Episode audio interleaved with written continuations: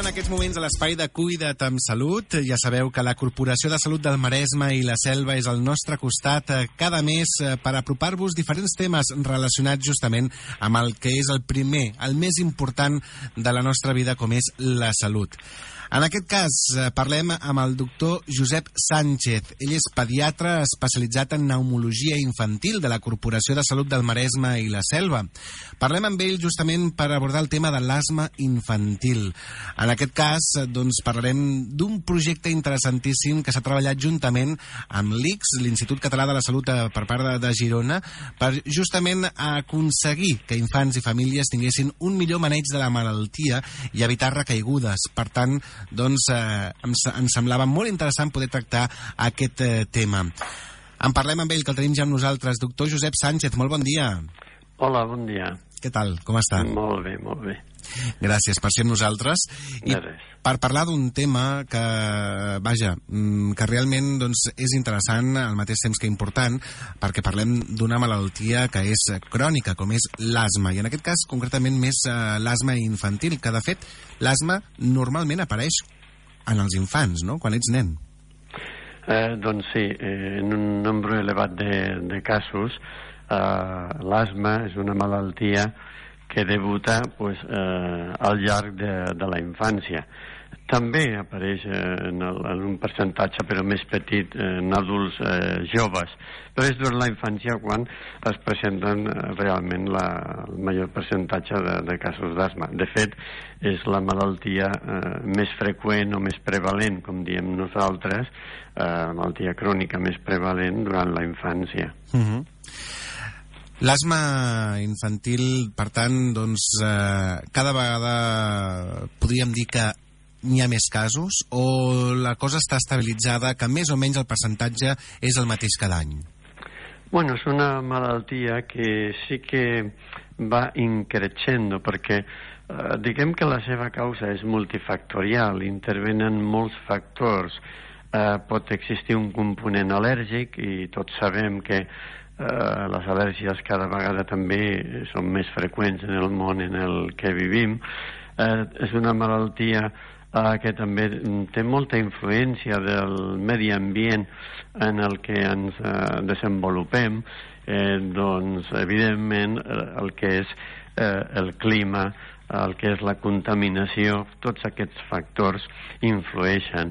I com tots sabem, doncs el nostre ambient Mm, la, el tenim també una miqueta eh, malalt i tot això va condicionant pues, eh, que sí, que cada vegada pues, en general eh, la patologia respiratòria sigui més freqüent a la nostra vida. Quins altres factors són els que provoquen eh, que aparegui l'asma en les nostres vides? Bé, eh, aquesta és una pregunta, què diríem del milió, del milió, veritat? Eh, en alguna circumstància. Sí, sí, sí. Són, són múltiples els factors Eh, I hi ha eh, diverses teories. Eh? Una d'elles és la teoria de la higiene. Bé, això què vol dir? Fa referència a que realment en el món en el qual eh, vivim, en el món al qual eh, arriben les, les criatures, el, els recent nascuts, eh, és diferent. És diferent també a eh, l'alimentació, la forma de vida de la mamà embarassada, eh, i ja pues, eh, les criatures ja neixen amb un perfil immunològic que actualment és una miqueta diferent que fa, per exemple, 30 o 40 anys. Llavors, és el sumatori d'aquests factors, junt després que ja en parlarem, però amb, amb l'aparició de virus respiratoris que són molt freqüents durant els primers anys de la vida i en determinats individus amb una certa predisposició és el que va fent doncs, que cada vegada veiem més criatures de curta edat amb bronquitis de repetició i amb asma. Uh -huh. quina, quina diferència hi ha entre el que parlem quan diem bronquitis i l'asma? Bé, la, la diferència és únicament a nivell semàntic o epidemiològic, és a dir, i depenent en el país en el que eh, nosaltres vivim, perquè hi ha països o cultures en les quals, a partir un nen que ja té dos bronquitis o tres, pues, eh, diuen que això és asma, i altres països en els quals encara eh, es manté un concepte més clàssic de l'asma. Però en realitat, uns i altres penseu que estem parlant del mateix, perquè comparteixen eh, una, una troballa, una cosa comú, que és són els símptomes secundaris a l'obstrucció bronquial. O sigui, tant en les bronquitis com en una crisi asmàtica d'altres etiologies, el que passa és que el bronqui es tanca, s'obstrueix, passa poc aire i això és el que dona els símptomes de fatiga i dificultat respiratòria. Per tant, eh, ja us dic que el criteri bronquitis de repetició o asma seria equivalent depenent de, de en quin moment i en quina cultura, en quin medi eh, ens movem. Justament eh, que ben bé, estem passant encara una pandèmia que portem eh, mesos, més d'un any i mig, en el que justament les malalties respiratòries eh, doncs, han estat eh, també protagonistes pel fet de que el coronavirus afectava a les persones que en patien més, eh, o almenys això és el que s'ha dit sempre, eh, que altres. Eh, per una altra banda, també s'ha dit fins i tot eh, que les persones eh, que patien asma tenien eh, una protecció addicional perquè eh, doncs els inhaladors eh, que s'utilitzen per aquesta malaltia també eren protectors eh, per, mm, per poder eh, evitar um, eh, encomanar-se de la, del coronavirus. Eh, durant tot aquest temps eh, s'ha accelerat, eh, s'ha agreujat eh, les persones que pateixen malalties respiratòries com l'asma doncs eh, s'ha notat que hi ha hagut algun canvi al respecte? Eh, doncs sí. Eh, a veure, tant, eh, tant a nivell eh, del nostre medi aquí a Catalunya, a Espanya o a Europa i a nivell mundial, el que s'ha vist durant eh, la pandèmia, sobretot les èpoques de major eh, confinament i aïllament entre les persones, és que les aguditzacions eh, de l'asma i altres malalties respiratòries han disminuït dràsticament, però dràsticament amb una tendència quasi a zero, podríem dir.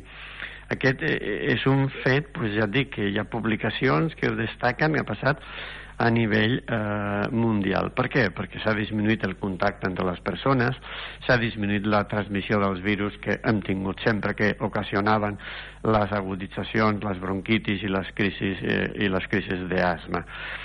I l'altra part de la, de la pregunta, que també trobo interessant, a veure, a nivell de, de pediatria, eh, la franja en la qual jo moc doncs, de 0 a 15 anys, Uh, podem dir que per sort, primer ja ho sabeu tots, no? pues, doncs que el Covid uh, afecta la infecció, és un percentatge molt inferior que en, el, que en els adults. En segon lloc, uh, uh, en, el, en els asmàtics hem comprovat que l'asma no ha estat un factor de risc per fer malaltia greu, tot i que una publicació recent sí que diu que els adolescents o pacients eh, asmàtics que han adquirit el Covid tenien més símptomes, però ni han ingressat més ni han tingut més malaltia greu que els altres. I mm, extrapolant una troballa eh, de, de, dels estudis dels adults, sembla ser que, a més a més, eh, una part, un dels tractaments que s'utilitzen molt per l'asma tant infantil com de l'adult, que són els corticoides inhalats, han tingut i han demostrat tenir un cert efecte protector en quant a la possibilitat de fer un Covid amb patologia respiratòria greu. Ja dic que això són troballes d'estudis d'adults que en part el, possiblement el podríem extrapolar als adolescents. De fet, eh, bé, eh, justament del que avui volem eh, destacar és a, doncs, la investigació que continua, l'avançament, el treball eh, per arribar a bon port. I per això destacàvem que la Corporació de Salut del Maresme i la Selva i l'Institut Català de la Salut Girona s'han unit per unificar criteris i homogeneïtzar processos per al tractament de l'asma pediàtric. Així doncs, eh, a què és degut a aquesta col·laboració conjunta i quins són els objectius d'aquest projecte? Bé, aquest és un projecte que mm, va néixer, la veritat, farà mm, quatre anys aproximadament, perquè eh, clar, va aparèixer el Covid, com hem comentat fa un moment, sí. i això va suposar un retard en el mateix pues, pràcticament d'un any i mig. I aquest projecte, bueno, va néixer a iniciativa de la corporació i al qual es va incorporar, eh, es van incorporar professionals de la salut també de l'ICS i de diferents estamentos, eh? vull dir, tant de l'atenció primària com a nivell hospitalària, i vam crear un grup de treball perquè eh, sabem des de fa molt de temps que un nombre important de, de, de fallides eh, en el tractament de l'asma i, i de que um, pacients eh, nens o nenes eh, no evolucionen del tot bé és a conseqüència de que no s'administra sempre la medicació tal i com voldríem, perquè hi ha oblits per part de, de, de la família, per l'estil de vida, eh, pues les presses, o també aquestes fallides són perquè no s'utilitza de forma correcta els inhaladors amb les, amb les seves càmeres. I, bueno, això és un fet que, que bueno, és molt bàsic i molt contrastat i mm, fins al punt en ocasions pues, hi ha pacients que es cataloguen com asma de control difícil, això passa també a nivell d'adults, adults i pediàtric, i en els països on existeixen unitats de referència per a, per a aquests eh, pacients, bueno, pues resulta, i això està publicat, que del 60 al 70% d'aquests casos són resolts pues, eh, fent, fent un, un alto diguem, en el camí, diguem, ei, ens parem, mirem a veure què passa, revisem com estem fent les coses i, bueno, aquest percentatge de, de pacients, 60-70%, els resolts doncs millorant el que diem l'educació en asma, o sigui, mirant de que la tècnica d'administració de la medicació sigui la correcta, que la càmera sigui la millor, la que tolera millor aquesta criatura, aquesta família, eh, millorant l'ambient, que no hi hagi, per exemple, fumadors al voltant i no li han donat la, la importància que té. O sigui que pots millorar l'evolució d'aquests pacients que no van bé amb asma, no ja incrementant medicació, que seria el més fàcil. No, vas bé, no va bé amb això, doncs pues, posem més medicació, doncs pues augmentem més medicació. No, no. Eh, el, el que hem de fer és integrar això que us acabo de dir, que és l'educació terapèutica, en el maneig eh, integral de, de l'asma i com diu el seu nom, educació terapèutica, és perquè eh, recalca l'efecte terapèutic que té eh, eh aquestes eh, intervencions tan simples que us, que us acabo d'explicar. De, uh -huh. I aquest, aquest va ser un dels objectius d'aquest grup de treball. Per tant, doctor, eh, parlem de consensuar tota aquesta informació i que tot vagi unidireccionalment en el sentit de que el tractament sigui eh, l'adequat, que sigui l'utilitzat de la manera eh, adequada també i que no hi hagi doncs, ni confusions ni altres maneres de que un diu una cosa, l'altre diu una altra, sinó que se segueixi sempre eh, la mateixa línia. E, efectivament, consensuar el tractament primer amb, amb la família i el pacient si té edat per, per, perquè pugui rebre el nostre, el nostre missatge, després consensuar entre tots els professionals del territori, que tots parléssim el mateix idioma quan parlem pues, eh, d'aquesta patologia. I, I fruit d'aquesta col·laboració i d'aquest grup, eh, pues bé, eh, s'ha produït, tenim una sèrie de documentació que va dirigida eh, tant als pacients que tenen asma com a les famílies i també als mateixos professionals, aquesta documentació és comú eh, per tot el territori actualment. Qualsevol consulta en la qual se tingui un pacient pediàtric amb asma doncs poden tenir, i ja haurien d'utilitzar a partir d'ara i utilitzarem aquesta documentació que també inclou una sèrie de vídeos, són nous si no recordo malament, en el qual expliquem totes aquestes coses i uh -huh. també part d'aquesta documentació pues la facilitat en francès i en anglès perquè bueno, no, no ens hem d'oblidar que en la nostra comarca pues, hi ha sectors que també tenen un, un, un, una activitat turística. És molt interessant justament doncs, tota aquesta informació que s'ha creat al respecte amb aquestes nou càpsules de vídeos, eh, entre altres tot el que és doncs, relacionat amb el que estem parlant avui aquí i que tot aquest material està disponible a la pàgina web de la corporació, que és www.salutms.com www.cat. Allà teniu tota la informació al respecte i, eh, a més a més, doncs, eh, per poder consultar o fer qualsevol pregunta o dubte que tingueu eh, a la corporació. Eh, cada cas és individual, però, doctor. Per tant, eh, no hi ha un tractament general per tothom, sinó que s'ha d'estudiar cas per cas, veritat? Sí, sí, efectivament. O sigui, aquesta és una cosa que mm, quan nosaltres aquí tenim estudiants en pràctiques o residents, és una cosa que jo els dic a tots. Eh, existeixen múltiples guies de, de tractament de l'asma infantil, tant nacionals com internacionals, però sempre els dic, és que el tractament és individualitzat. Ha de ser individualitzat i hem de treballar cap a una medicina personalitzada i és el que intentem perquè en cada cas, a cada criatura i cada família adaptarem eh, el tipus de càmera, el tractament, però adaptarem fins i tot, si cal, horaris i triarem eh, la medicació pues, d'una manera o altra per, per, per cada pacient, eh, sobretot en quant a les dosis i en les maneres d'administrar. Creu que arribarà el dia en què deixem de parlar de l'asma com a malaltia crònica?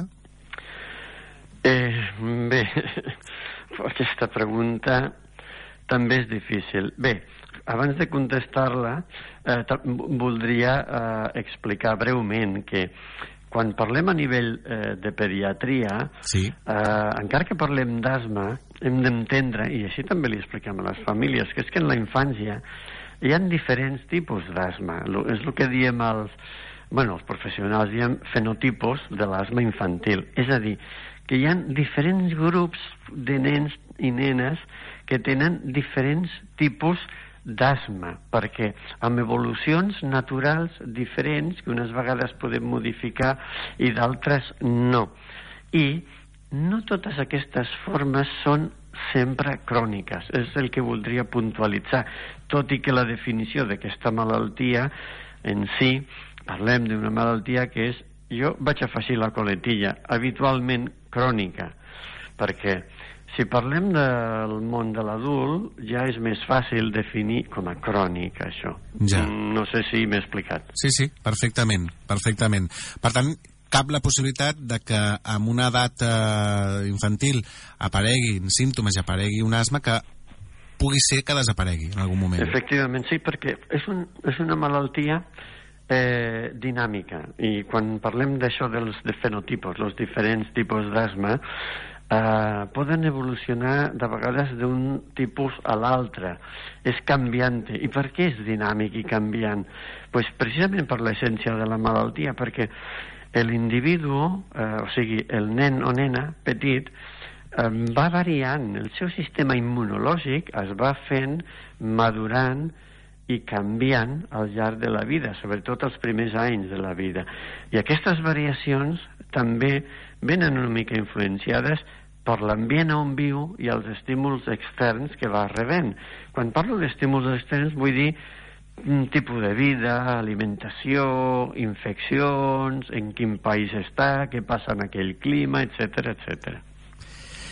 Fixeu-vos, doncs, eh, com se segueix avançant, sempre procurant pel millor benestar de les persones, encara que haguem de conviure amb una malaltia, com en aquest cas estem parlant de l'asma. Per això mateix, doncs, la corporació i l'ICS Girona s'han unit per unificar aquests criteris eh, i homogeneitzar processos per al tractament de l'asma. S'ha elaborat un seguit de material informatiu eh, que justament doncs, teniu al vostre abast. D'aquesta manera, millorar l'atenció, aconseguint que els pacients pacients siguin tractats i controlats sota els mateixos paràmetres i, per tant, doncs, tots, eh, bé, tota aquesta informació és gràcies al consens i a la validesa per la Comissió Mixta d'Educació del Pacient Asmàtic Pediàtric formada per professionals tant de primària com d'hospital de l'Alt Maresme i la Selva Marítima. Bona feina, moltes gràcies eh, per tot el que es realitza dia a dia i sempre procurant eh, pels pacients, per la ciutadania. Doctor Josep Sánchez, eh, eh, pediatre especialitzat en eh, pneumologia de la corporació, moltíssimes gràcies per ser avui amb nosaltres. Moltes gràcies a vosaltres per fer difusió de la nostra feina. Sempre, sempre al vostre costat. Una abraçada forta. Fins a propera. Molt bé, una abraçada. Fins la propera. Bon dia.